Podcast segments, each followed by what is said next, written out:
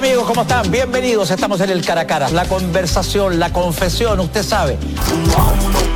Saúdos, acompáñanos neste cara a cara unha eurodiputada. Ana Miranda, benvida a Pontevedra Viva Radio. Moitísimas grazas, encantada de estar aquí, a verdade. eh, o prazer é, é noso. Eh, gustaríame, Ana, comezar mm, cun exercicio eh, informativo ou de ubicación. Ti pertences ao BNG.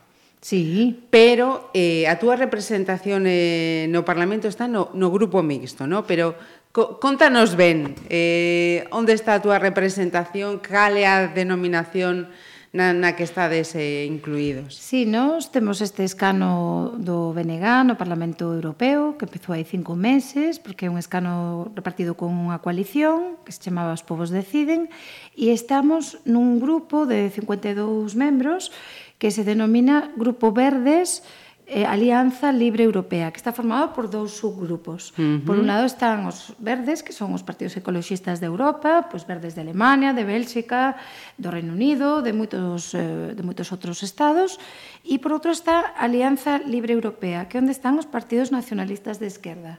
Aí está, por exemplo, o Partido Nacionalista Escocés, está a Esquerra, está o Partido Galés, representamos tamén os corsos, os bretóns, E entón estamos nun grupo moi cómodos porque uh -huh. eh, de alguma maneira nos reconocen tanto que para nos Galiza é un país, pero ao mesmo tempo toda todo ese aspecto social, ese aspecto ecolóxico, e, e a verdade é que dende aí podemos pues, facer uh -huh. moito traballo, non?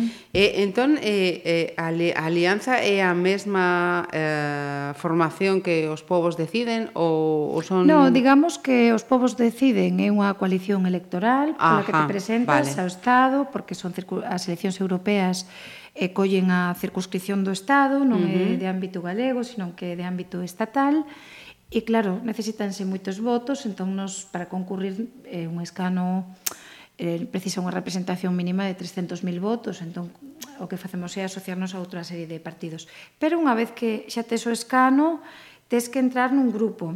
Entón ali hai eh, distintos grupos políticos, pois dende o Partido Popular Europeo, Socialistas e Demócratas, Grupo Liberal, están grupos pois, tamén de extrema dereita, por desgraza, e vemos además discursos moi xenófobos, despois está o grupo da Esquerda Unitaria Europea, Esquerda Verde Nórdica, e está eh, como mm, quinto grupo está o Grupo Verdes Alianza Libre Europea, onde está o BNG. Ajá. Sí, e temos moita autonomía, ademais, ainda que pertenezas un grupo, eu, por uh -huh. exemplo, eh, estou nas comisións de pesca, de peticións, que a de denuncias, na de liberdades, na de economía, eh, asuntos financeiros, que claro, nun momento importante, no debate do Brexit, do euro, e podes levar calquera tema. Entón temos tamén esa autonomía, aínda que pertenzas formalmente a un grupo, uh -huh. podes traballar por os temas galegos no que queiras en cada momento con total eh, autonomía, non? Ajá. Eh, eh, ti estás no, no escano europeo dende este 2018, non? Sí, dende 1 Está... de marzo, exactamente, uh -huh. en base a ese reparto de coalición electoral. Uh -huh. Eh, Mira, eh, a presencia de, de formacións, eh, por lo que estiven eh, a ler, eh, euroscépticas, ¿no? porque creo que, que algunhas das formacións eh, que estades neste grupo mixto denomínanse euroscépticos. Hai, hai de todo, é dicir, hai xente mm, eurocrítica máis ben. Ajá. Os euroscépticos eh, en xeral está máis asociado ali, polo menos na Eurocámara, aos grupos de extrema dereita, Non so que somos críticos con esta ¿Sí? actual... Eh, sí, curioso. Ali sí. Oh. Sí, eh, máis críticos, non? Porque non so que somos críticos con este modelo de Unión Europea, pero si sí estamos a favor de Europa, dunha Europa dos povos. Os euroescépticos en xeral, como o UKIP de, de Reino Unido, ou como Amanecer Dorado, Mencer Dorado, estes grupos xenófobos, uh -huh. son anti-Europa de, de ningún sentido, nin Europa dos povos, nin Europa dos cidadáns, nin eh, nin unha Europa social. Nos non, nos queremos unha Europa social e queremos, ademais, eh, que Europa sirva para, para unir povos, non? Atopo entón xa a, a, o, temos... o primeiro erro ou o mala interpretación non? destas formacións. Sí, bueno, esas formacións, eh, sinceramente... Da, eh, das vosas, digo. Eh, no, no, de, digamos que nos, moitas veces, cando temos que explicar que o nacionalismo de esquerdas en Europa, eh, poñemos casos moi paradigmáticos, non? Porque eh, nos termos franceses, cando se fala de nacionalismo, debe ser tamén pola traducción, o nacionalismo está asociado á, á dereita, curiosamente. Uh -huh. En cambio, eh, nos movimentos máis emancipadores, eh, desde Cataluña a Córcega, pasando por Escocia, por cataláns, eh, bueno, acabo de dicilo, pero vascos, galegos, cando defendemos que Galiza é unha nación, eh, estamos falando de movimentos que non van contra ninguén, que son uh -huh. eh, moi na defensa da, da liberdade, de autodeterminación, pero tamén o respeto por outros povos. Os euroscépticos, neste caso de dereitas, incluído o Frente Nacional Francés, están en contra de outros povos, están en contra da inmigración. Uh -huh. Nos, por exemplo, temos unhas políticas de, de inmigración e de eh, explicación da defensa dos dereitos humanos que son moi vanguardistas, non? E esa é que nos diferencia. entonces na Eurocámara mantemos unha liña moi, moi estricta de non facer nada con estes grupos de extrema dereita, porque son moi dañinos para a convivencia en xeral, pero tamén para a convivencia europea. E por iso, sempre preciso, hai nacionalismos de dereita e hai nacionalismos de esquerda. Uh -huh. Neste caso, os nacionalismos de esquerda, como o do BNG, non van contra ninguén, sino que simplemente defenden os dereitos, eurocríticos e euroescépticos. Exactamente. Ali diferencias, Que... Eh? Quizás sí. había que explicar un poquinho máis, uh -huh. exactamente. Mira, eh, acabas de mencionar unha, mm, unha palabra, un tema, unha cuestión, eh, un problema. Eh, ti, ti me, me, me dirás se, se falar de problema é axeitado ou non eh, de inmigración. Eh, ti eh, estiveras hai uns meses eh, con Proactiva Open Arms, eh, viaxando nuno de, de sus barcos e, eh, e vivindo en primeira persona eh, esta, esta situación. Eh, gustaríame que, que nos contaras como, como foi a experiencia e, eh, e como, como está a tratarse na, na, na Unión Europea. A verdade é que esta experiencia hai pouco máis de un mes eh, viaxando na costa libia co barco Open Arms, que é unha ONG que está facendo un traballo moi importante porque é salvar vidas. O primeiro nos rescates é salvar vidas. Logo xa se verá onde vayan, pero salvar esas vidas inmediatas de balsas, eh, como vimos ali no Mediterráneo, no, no Valeiro, eh, con dous días de navegación, no frío, no calor, en, la, en lanchas que non teñen as condicións mínimas de seguridade, con chalecos non homologados, 60 persoas, 200 persoas, nenos, mulleres, uh -huh. embarazadas aí hai eh, realmente un drama humanitario. Entón, tiven a oportunidade de ir con eles durante, en principio, iban a ser tres días, que saímos de Malta para, para Costa Libia até que chegamos a un rescate. Pero tamén vimos como non se puido ir a un rescate porque as autoridades italianas non quixeron que se fora e deron unha ubicación errada, falsa, a propósito. Mm. E ese día morreron cento, o rescate eran 125 persoas, morreron, salváronse 24 morreron tres bebés que saíron nos medios e nós estábamos a 12 millas e non pudemos ir porque non se quixo, non houve vontade en de Europa facilitar. de facer e de facilitar un barco que estaba con todo tipo de eh, de medios para, para, de medios para poder uh -huh. chegar. Bueno, entón xa foi moi impactante despois todos esos correos, esas comunicacións de radio cos guardacostas italianos e de Malta negándose a recibir o barco. E estivemos catro días vagando no Mediterráneo, vagando cos refugiados que se salvaron, que foron 60, puden en primeira línea estar no rescate coa lancha pegada paralela, porque só fan os rescatadores, claro, paralela de ver, e eu recoñezo que foi sair do noso barco, ir á, á lancha e non parar de chorar. Pero que non é que non poidas parar de chorar, é que é tan impactante ver como esas vidas humanas son vidas como a túa e que están desamparados absolutamente. E tamén é impactante ver como a menos dunha milla estaba vindo o barco libio para disuadir e ás veces disparan. É dicir, unha situación moi peligrosa. A Open Arms xa lle dispararon, xa incautaron o barco, o barco uh -huh. están denunciados os capitáns. Entón, estamos nunha situación na que eh, é unha vergonza, non? E a Unión Europea, e a veces digo con contundencia, porque estou na Comisión de Liberdades, o grupo pediu que, que entrara polo tema da emigración e por esta tamén sensibilidade que temos tamén no BNG, co tema da emigración, e, e estou vendo como se está tratando, e como lle dixen outro día comisario, comisario, os mortos que están no Mediterráneo non falan, polo tanto non falseemos estadísticas, porque non temos estadísticas. Uh -huh. O Mediterráneo é un campo santo de corpos. Porque non sabemos cada día os rescates que veñen. Saen pola noite da costa libia, veñen de situacións dramáticas. Eu das 60 persoas que que convivín que salvaron. e que uh -huh. se salvaron no Open Arms, tiven a oportunidade de falar con elas horas eh, e de, estábamos, nos estábamos no barco astral, que é o barco paralelo de apoio, pero subíamos e baixábamos, non? E a verdade é que non hai unha que non te contara un drama. É que, ademais, contabancho amosando as cicatrices, non é contar por contar. Dende Kalashnikov que te daban no ombro e que te deixaban un oco tan grande que ao final te, queta, te quedaba unha protuberancia, violacións múltiples, como unha muller de Eritrea que non nos falou en tres días, E cando chegou a Barcelona empezou a decir as primeiras palabras chorando e empezou a confesar que ela fora violada, violacións múltiples. Impresionante. Dende un rapaz que non saiu seis anos, de, porque agora en Libia, claro, despois da situación de pos Gaddafi, pois quitaron a Gaddafi, pero resulta que agora hai tres grupos armados que armaron a toda a poboación, a unha gran parte da poboación, e hai cárceres privadas.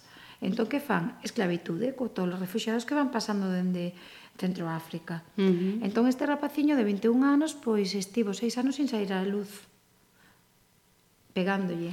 Comían macarróns crudos. Facíanlle de todo, de todo, e que moitos ainda lle costa verbalizar.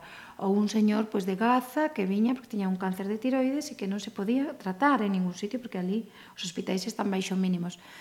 Son casos tan dramáticos despois de vir descalzos, de camiñar pola eh, de, horas. Había unha familia que, por certo, fun despois a ver a Manresa, a residencia onde están. Uh -huh. Había unha familia pois que levaban oito anos vagando dende a República Centroafricana. Oito anos? Oito anos. Pasaron por Chad, pasaron por Centro... Eh, saíron da súa, estiveron en Libia escondidos, porque a ela se, a, se acollen xa levan para esclavitude en casas.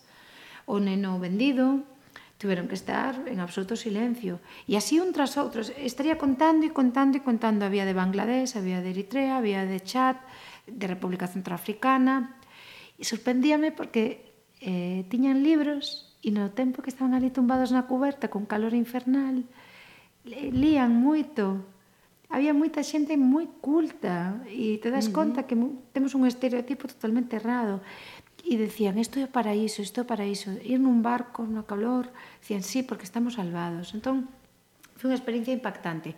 Eu viña xa de percorrer os campos de refugiados de Idomení, en, en Grecia, uh -huh. que onde, sabes, que chegaban, vía Lesbos, pola zona grega, uh -huh. e logo ían até Macedonia para intentar pasar por aí, por todo Centro Europa e por, pola zona para chegar a Alemania. A maioría pois, queren ir a Alemania uh -huh. ou ao Reino Unido, a países ricos, non?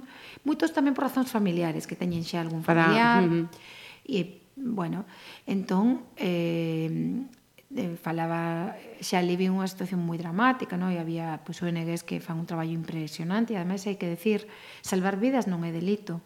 Facer o traballo que fan as ONGs nestes terreos non é un delito, pero están sendo criminalizadas e a Unión Europea tamén está mm. aí moi silenciada, por iso nos dende o grupo está, está de Venezuela estamos aí presionando mm-hmm. uh -huh. muitísimo porque creo que temos que dar unha eh, un, un sinal moi claro de que hai que combatir o racismo e a xenofobia e máis nós como galegas e galegos que estuvemos sempre acollendo mm. emigración pero non somos emigrantes sí, tamén pero primeiro, sí. exactamente, dende o século XIX entón temos tamén que ter esa empatía. O que pasa é que aquí en Galicia pois, non hai un número de inmigrantes tan grande como pode haber en Cataluña ou en Francia ou en Alemania.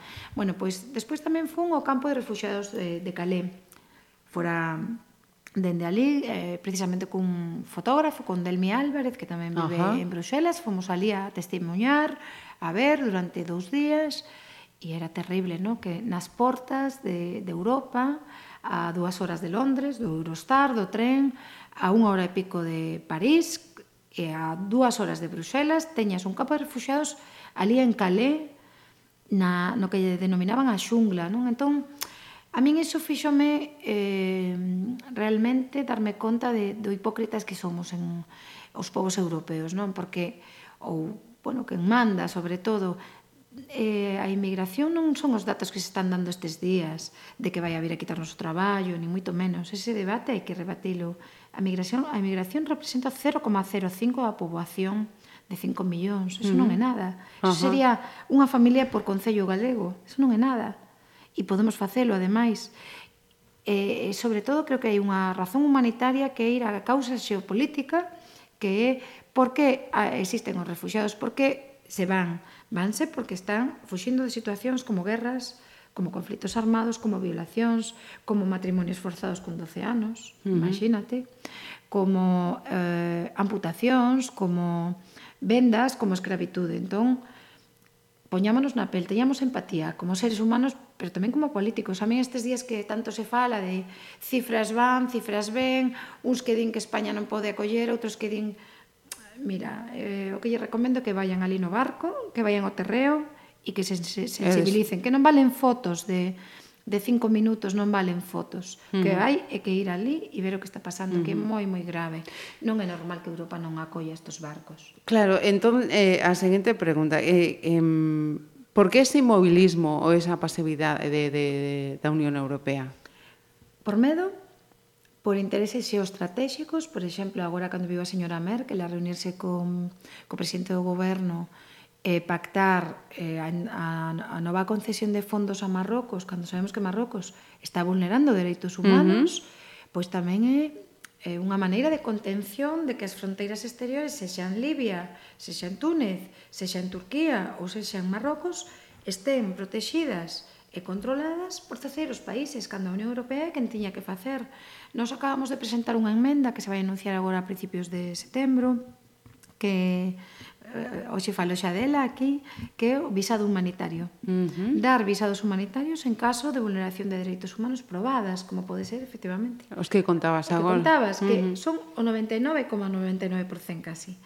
Entón, non son refuxados, son refuxados por dereitos, por porque fuxen de situacións dramáticas, non son emigrantes económicos, hai que diferenciar. Uh -huh. Esta xente fuxe por, sin nada, viñan sin por supervivencia, papéis, por vivir, por uh -huh. vivir. E dais igual donde vivir con tal de que non nos maten, nunha palabra. Entón, a Unión Europea está facendo unha deixadez en externalizar esas fronteras exteriores, frontes que a Axencia Europea de Control de Fronteiras debería de pasar máis a unha, a unha situación en vez de expulsión, que é o que está facendo, a unha situación de protección xurídica de dereitos humanos, de amparar o dereito de asilo. E ademais hai agora unha reforma moi importante que é o, a reforma do dereito de asilo, que os estados deberían de poñerse de acordo, porque aí vemos casos como Hungría que dixo non hai inmigración, sí. uh -huh. como Rumanía. Entón, realmente quen está levando o peso forte é Alemania, uh -huh. que tamén ser xustos e decilo, non? Eh, e, e no caso español pois está vendo na fronteira denominada fronteira sur cada día moitísimos. Eu creo que un tema, fíxate, decíame un día alguén, e como para vos pois este tema ten esta importancia e tal? Eu, porque somos humanos. É que non hai que cuestionar de que aquí uh -huh. non haxa emigración ou non. Sí. É que somos humanos. Pero que ademais o povo galego é que sempre foi emigrante. E, e ademais vémolo incluso na xente moza. Entón, Esa empatía creo que é moi necesaria como poboación e aparte que nos fai eh, creo que defender eses valores, defender esa igualdade, creo que nos fai ser un pobo moito máis eh, aberto, non? Os povos uh -huh. pechados, agora o que está pasando en Hungría, pois pues, é terrible, non? E... Eh, eh, eh, con isto que estás a contar, eh, eh, a decisión eh, que tomou o actual eh, goberno eh, español eh, eh, foi un, un envite mal xestionado eh, un envite que non, non se podía permitir como, como vestí? Bueno, a decisión de, de, deste de último encontro co, eh, co a señora Merkel eu creo que lle vi un pouco imposta, ¿no? como hai tamén outra serie de condicionantes como o tema do déficit e como o tema do Eurogrupo que presiona coas políticas de recorte que se fixeron os anos pasados e creo que aí hai unhas negociacións ocultas que claro, non vemos. Claro, que de alguma maneira hai unha xenda no Consello, no que se denomina mm. Consello de Estados, nos que a, pues, eh, eh, de alguma maneira é unha presión que ten externalizamos estas fronteiras pero a cambio seguramente non seremos tan duros co tema do cumprimento do déficit non sei, eu creo que, que estamos nun momento a ver, eu creo que valoramos positivamente que se acollera o barco Open Arms en Barcelona, senón ese barco estaría vagando uh -huh. con cento e pico de persoas sen ir a Porto, sería unha situación internacional porque ademais o dereito internacional do mar de que hai que salvar vidas e, e esta UNG fixo foi unha decisión loable, por suposto, e ademais así o dixemos públicamente eh, pero non é a solución tampouco estar en cada rescate, en cada anécdota, senón isto ten que ser unha solución coordinada a nivel europeo. Uh -huh agora vai para un porto, repartiránse pois os refugiados que veñen entre tantos estados. Pero a min pareceme que aquí houbo durante 10 anos que gobernou o PP houve unha política de, de, de peche total de fronteiras pero tamén de incumplimento dos acordos europeos do reparto de cuotas, porque non se cumpliron, uh -huh. aparte de eso dio a Comisión Española de Axuda ao Refugiado, CEAR, ou dio eh, a, a propia Nacións Unidas, non se cumpliron. E entón, agora co, co cambio cara ao goberno socialista, pois é, eh, é verdade que hai un pequeno movimento, pero que non pasa tampouco co... Mm, Ainda non está moi consolidado. E, e o que se pide é coordinar a nivel europeo, non? Uh -huh. Facer solucións así a carta. Uh -huh. E dende logo unha solución que pase por apoiar moito máis a Marrocos que está estes días liberando campamentos e quitándos, vulnerando totalmente, quitando das rúas de Rabat e de outras vilas de, sobre todo do norte, quitando a refugiados, vulnerando os dereitos do povo saharaui tampouco é unha solución. Ou o que fai Turquía cos curdos, que cambiaba un curdo por un sirio legal, non? Isto non é unha compra e venta, son vidas humanas. Uh -huh. Entón, o que lle pediríamos ao señor Sánchez tamén é que se sente a falar, que se sente a falar de migración, con todo o mundo, incluídos, pois, todos os que tamén uh -huh. temos unha vocación de, de dereitos humanos. Uh -huh. non? Mira, eh, con isto que nos acabas de contar, ¿no? con esa experiencia en, en primeira eh, persoa, eh, supoño que mm, eh, as palabras de, de Pablo Casado, mm, quería preguntar por ese tuit, ¿no? que parece que mmm, revolucionó, eh, te, te, pilló en, en Quente. ¿Cómo, cómo ves eh, eh días despois? Manterías esa frase? Se malinterpretou? Como ves a, o que pasou con, con, con aquel tuit? A ver, eu eses días estaba, como sigo moitos temas de, de migración, e aparte me corresponden por, polo escano do Benegán, esa Comisión de Dereitos e de, de Liberdades e de Migración, segui, sigo moitos debates a nivel uh -huh. europeo, non só a nivel do Estado. Entón, eh, a mí sorprendíame esas declaracións.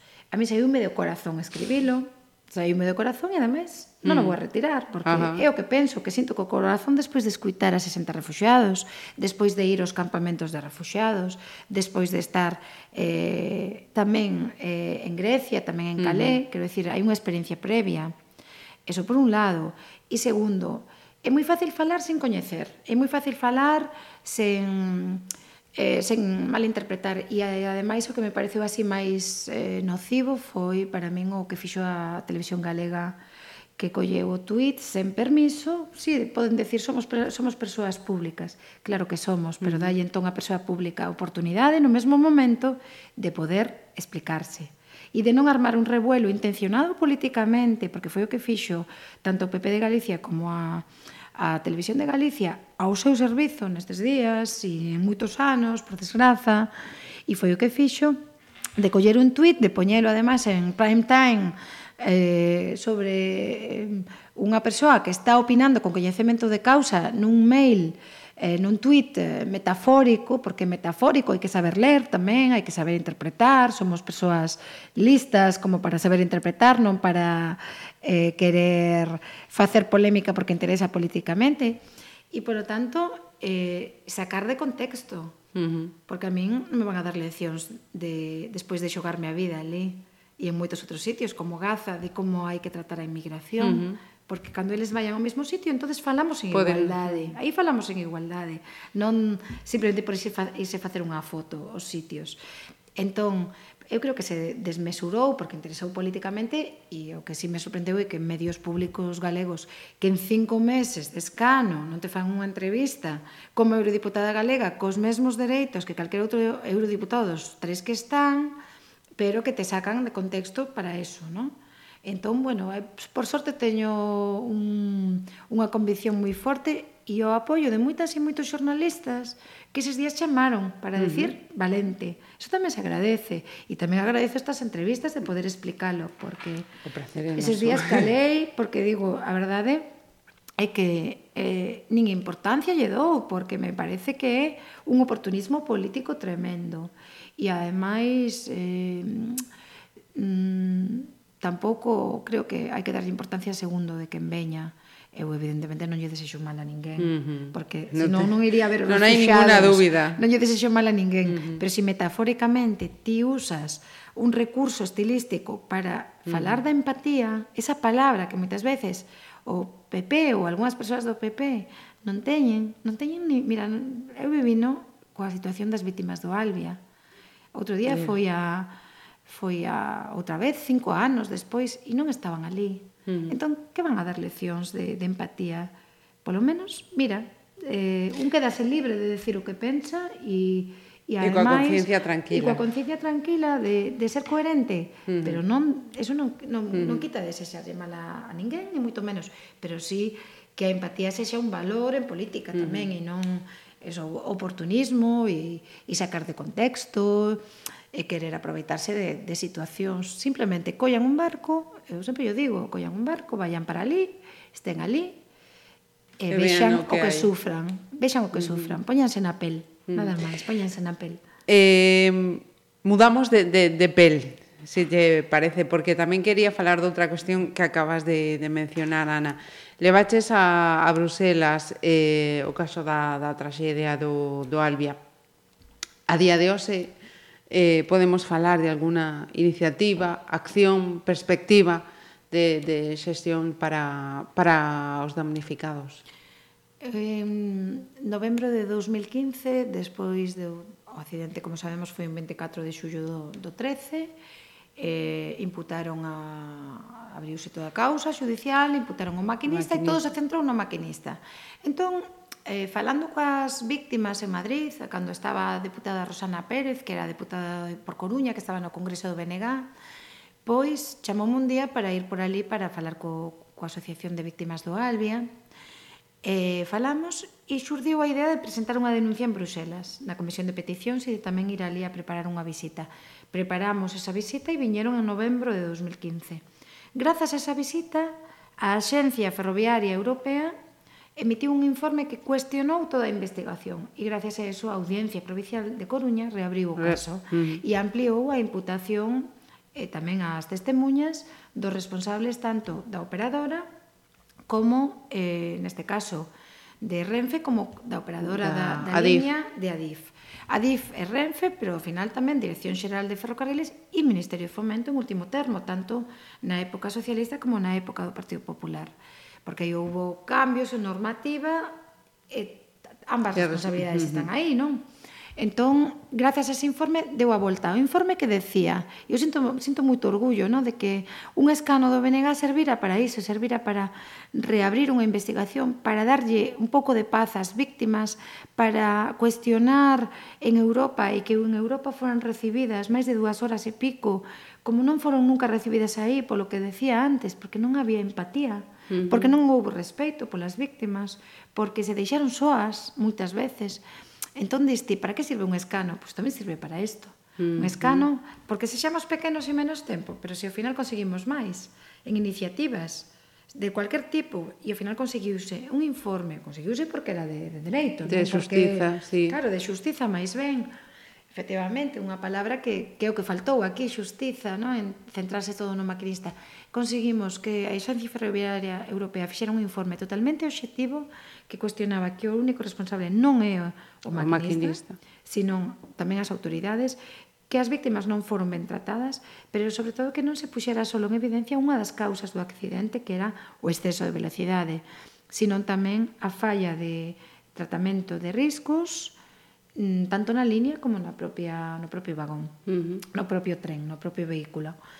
Eso de unha volta que voltamos a Bruselas o ano seguinte, a Comisión de Peticións, que ratificou que as víctimas tiñan que eh, eh, a idea que las defendían de abrir unha comisión de investigación a nivel parlamentario, pero non só iso, sino o máis importante a nivel da CIAF, da Comisión de Investigacións.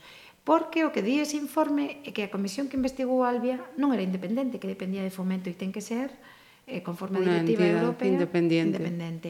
E aí estivo. Entón, eu, sinceramente, eh, sinto un orgullo moi grande de, de ter sido útil, de ter uh -huh. sido útil. Agora acabamos de estar coa comisaria, tamén hai dous meses que veu tamén a portavoz do Benegana, Pontón, e temos unha reunión eh, principios de setembro, estarei outra vez coa Comisión Europea, porque o informe, en principio, pois está listo, o informe que están preparando sobre se o Estado español cumple a normativa de control de riscos. Uh -huh. Que significa eso? Significa que ese tren non teña que estar en marcha.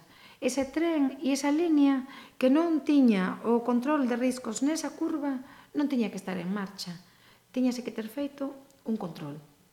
Entón, agardemos que ese informe realmente sexa útil e que e que dé un resultado e que, e que permita que aquí se, se abra unha comisión de verdade. Porque a comisión que se está facendo no Congreso a min sinceramente pareceme un paripé nestes momentos. Iba decir, non? un teatro. Exactamente, un teatro mal feito, ademais, porque eh, o teatro se ten vos actores está ben, pero moitas veces... Certo, ben corrixido. Sí, porque o teatro eh, se ten uns actores e unhas mm. actrices ben... Eh, que interpreten ben, pero é que incluso non interpretan ben, mm. porque... Mm. E as vítimas están cansas, no? este ano foron cinco anos, e aí nos teñen para o que precisen, e dende logo moitas veces temos feito moitas xestións en silencio, no? como a última, bueno, despois soubose porque eh, xa se soubo aquí, pero non porque nos o dixeramos, perdiuse ese informe que tiña que mandar a Axencia Ferroviaria ao xulgado de Santiago, uh -huh. no que lle facían preguntas, sino que ademais confirma que non se fixo avaliación de riscos. Uh -huh. Pediuse o informe, tuven que voltar a, a falar coa xencia, a pedir e en dous días un informe que non apareceu en sete meses estaba, estaba. en Santiago no xulgado. Entón, repito de novo, para que sirve un escano europeo dunha forza como Benega? Tamén para isto, para chegar onde non chegan as autoridades moitas veces. As autoridades de, de estados que supostamente cumplen a normativa. Eu creo que non, eu creo que non cumplen a normativa europea. E vou chegar ata o final, e ademais dixeron no, no minuto cero do escano. Chegaremos ao final no caso do Albia E imos chegar, eh? estou segura. Uh -huh. Pero bueno, eu tamén son moi eh, pesada, eh? eh teño esas conviccións a así moi férreas. A persistencia é o que ten. Persistencia, Soe dar de... resultados, soe dar resultados, Ana.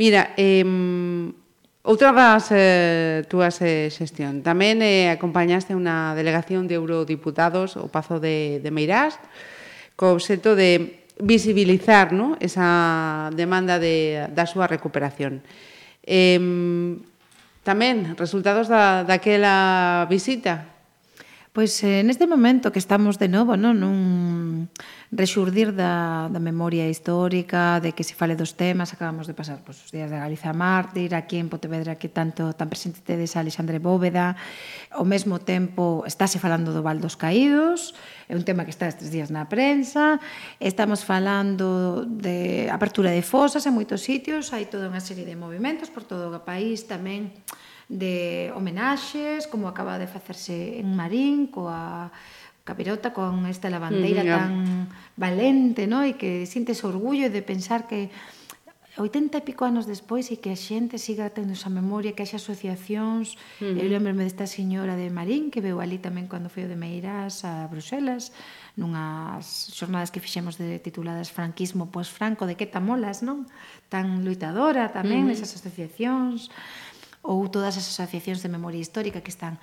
Pois o tema do Pazo de Meirás é parte dese, de todos eses movimentos, pero levan 20 e pico de anos, 40 e pico de anos, reuníndose fora do Pazo de Meirás, reivindicando que se devolva o povo de Sada, que se devolva o povo galego, e nada. E de repente houve aí un cambio, no? que foi o agosto do ano pasado, cando a familia Franco, que a que xestiona as visitas ao Pazo, delega que sexan xestionadas pola Fundación Francisco Franco.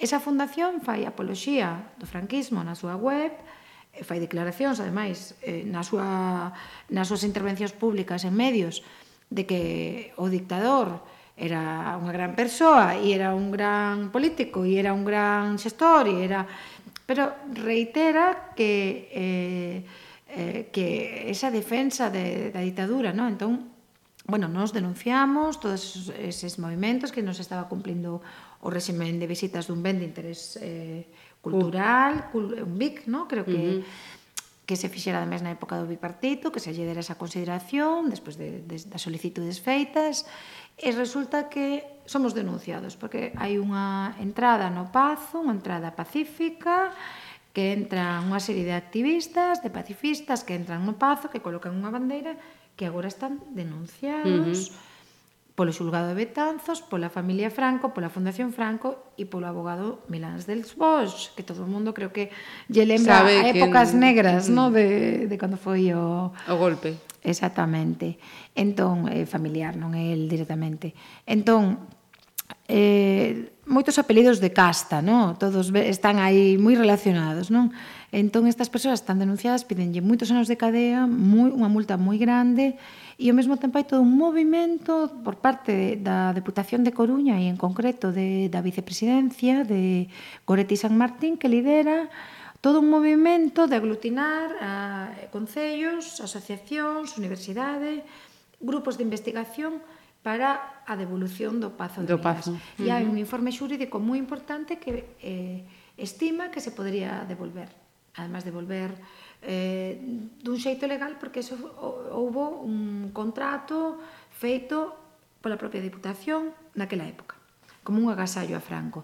Entón, eu creo que se vai conseguir. E o que fixemos foi vir unha delegación plural de eurodiputadas e eurodiputados para trasladar dentro dese grupo de memoria histórica que temos no Parlamento Europeo tamén, que hai pois, portugueses, alemáns, de, de Gales, de, uh, de Italia e xente moi diversa. Uh -huh.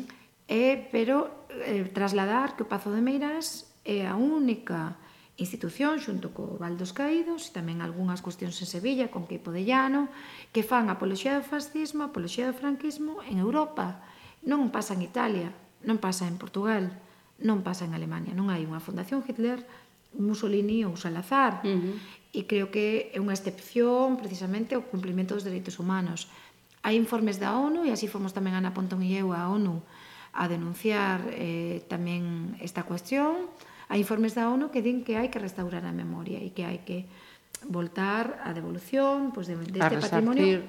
exacto, como un espolio, porque ao final foi un espolio económico. Entón o que se fixo con isto foi levar a Bruselas o tema e agora voltamos a, en setembro tamén a, a telo en conta porque houve tamén algúns movimentos aí como foi o xuizo estas 19 persoas de Meirás. Os 19 de Meirás. Uh -huh. Sí. E eh, é como se houvese un franquismo posfranco que non acaba de, de extinguirse e que creemos pois que, que temos que pasar páxina, pero a páxina pasase non, non falando, a páxina pasase voltando uh -huh. a situacións democráticas, non vai haber unha verdadeira democracia, senón se acababan de cumplir cousas pendentes. O informe de Pablo de Grave de Nacións Unidas di efectivamente que, eh, que o caso español non cumple o que resarcimento, reparación, xustiza danos, e non repetición uh -huh. e polo tanto creo que sería moi bon agora co, co cambio de goberno teñen unha oportunidade moi grande para empezar coa exhumación dos restos de, de Franco e, bueno, uh -huh. pois pues, a ver que vai pasando dende logo, uh -huh. non seguimos co, co tema da devolución do Pazo de Meiras eh, Ana, eh, antes de, de rematar esta, esta charla eu quería preguntar tamén por um, por unha presenza que mm, gustaríame que me explicaras mm, porque mm, Quizá eh, a miña perspectiva eh, non é a mesma que que estar aí en Bruselas, ou ver, vou, vou gran, vou, vou gran que senón eh, líome. O pasado maio eh, viaxas a Berlín eh, ti, con outros eh, compañeros eh, eurodiputados, eh, responsables tamén políticos Sí, eh, do grupo de España. diálogo con Cataluña Unión Europea. Efectivamente. Sí, sí, é un grupo de traballo. Hai unha reunión con, con Puigdemont. Eh, para aquelas persoas, e para mí mesma a primeira, eh, que aínda non, non comprendemos esa, esa decisión ou esas decisións eh, últimas que tomou Puigdemont no, no goberno catalán, e, e a súa fuxida eh, fora, fora de España.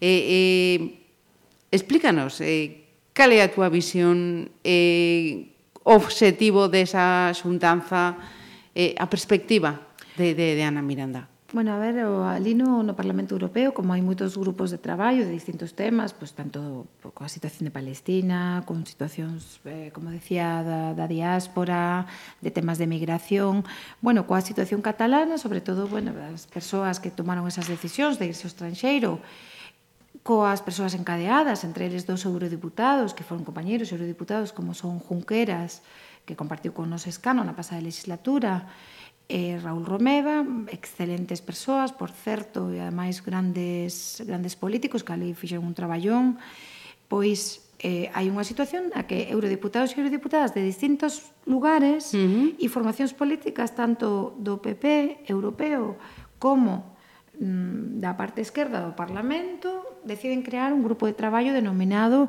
Plataforma Unión Europea Diálogo con Cataluña para ser mediadores Entón, nós actuamos como mediadores.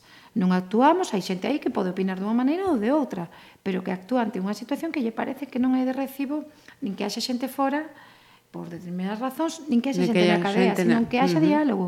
Uh -huh. Entón, bueno, iso que se pretende. Esa é unha de tantas visitas que se fixo, fixose esa, agora o día 7 imos a, as prisións eh, catalanas a ver a, a Junqueras e a Romeva, principalmente, porque foron compañeiros do Parlamento Europeo, hai moitas críticas no propio Parlamento Europeo sobre o feito de que estén encadeados e que non se diga nada, uh -huh. e aquí ten que pasar algo, ten que haber un diálogo, ten que pasar algo, e iso que pretende esta plataforma.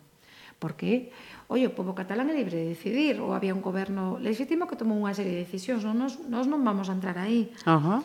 O que interpreta moitas veces a prensa das cousas É bo que tamén se escoite outro lado, por iso nós o que tratamos de facer é escoitar ambos lados e escoitar para mediar uh -huh. un grupo de mediación. E, xa Ajá. esa foi unha visita nese sentido. Non? Ajá. Eh, unha das conclusións que eu saco desta, desta charla que, que estamos mantendo con, con Ana Miranda é que eh, certamente a, hai ocasións en que pese o número se poden facer eh, moitas cousas. A verdade é que sí. Eh, de que sirve un escano para Galiza de cinco anos no Parlamento Europeo se ao final non se fai nada polo país? De que sirve un escano de menos tempo? Pois porque as circunstancias nos obligan a ter que ir en coalicións, porque senón non sacaríamos o BNG un escano. E que resulta que se leva ali todo o tema da prohibición das redes do xeito, se consigue que a Comisión Europea retire, levase o tema do cerco, levase a situación da precariedade da mocidade, o tema do Albia, o tema eh, da ría de Pontevedra, e neste caso de Ence, levanse Lembro temas, o tema de Panadeira, de, Panadeira, de Marín, de Marín uh -huh. levase tamén todas as temáticas relativas á rede natura, o saneamento das rías, neste caso, bueno, pues a ría de Vigo, a ría de Burgo, a ría de Pontevedra, e principalmente tamén o temas pois, que están na actualidade, como o tema de migración, e sirven para moito, porque en cinco meses pois, puxémonos aí outra vez con presenza total, pero é a base de moitas horas de traballo, de moitas horas de traballo. Nós temos un equipo moito máis pequeno, ademais, somos dúas persoas, eh, en base a esas coalicións temos tamén que repartir o traballo con outra xente, e non só iso, sino que por sorte temos aquí unha organización moi poderosa e digo, moitas veces temos tantas ganas de facer e tanta xente disposta e carai, non se corresponde cos votos, non? E iso dis, pois que será? Que pasa aquí cando estás aí en todos os problemas, as 5 da mañán nas portos? Entón, quizás teñamos que comunicalo mellor, non sei uh -huh. se si aí está clave, por iso se agradecen sempre as entrevistas para poder comentalo. Eh, pero mm, realmente levanse os problemas do país e iso é moi importante, ter voces directas entón, uh -huh. e sin cortapisas sin ter que dar explicacións a Madrid e que isto non toca porque agora as cuotas da merluza eh, as cuotas da pescada non tocaron porque hai, resulta que hai barcos andaluces nun lado ou no outro non, non, somos libres, libres uh -huh. levamos temas galegos de forma libre uh -huh. entón Eu creo que sirve para moito, pero iso teno que xulgar a xente, claro. Hai que ter a humildade suficiente tamén para que xulgue a xente. Eh, Ana Miranda, de verdad que foi un, un placer. Mm. Eh, os micrófonos desta casa, xa sabes, están sí, abertos. Encantada e calquera tema que queirades non só do ámbito de Pontevedra, galego e, e en xeral de toda, de toda Europa, non? Calquera tema de actualidade que estarei. Ademais, encantoume vir, non? Eso de xente aí moi amable, a verdade. Moitas grazas. Graciñas. Hola, ¿qué tal amigos? Bienvenidos como siempre a una nueva emisión de su programa Cara a Cara. Cara a cara. Pontevedra Viva Radio. Oh.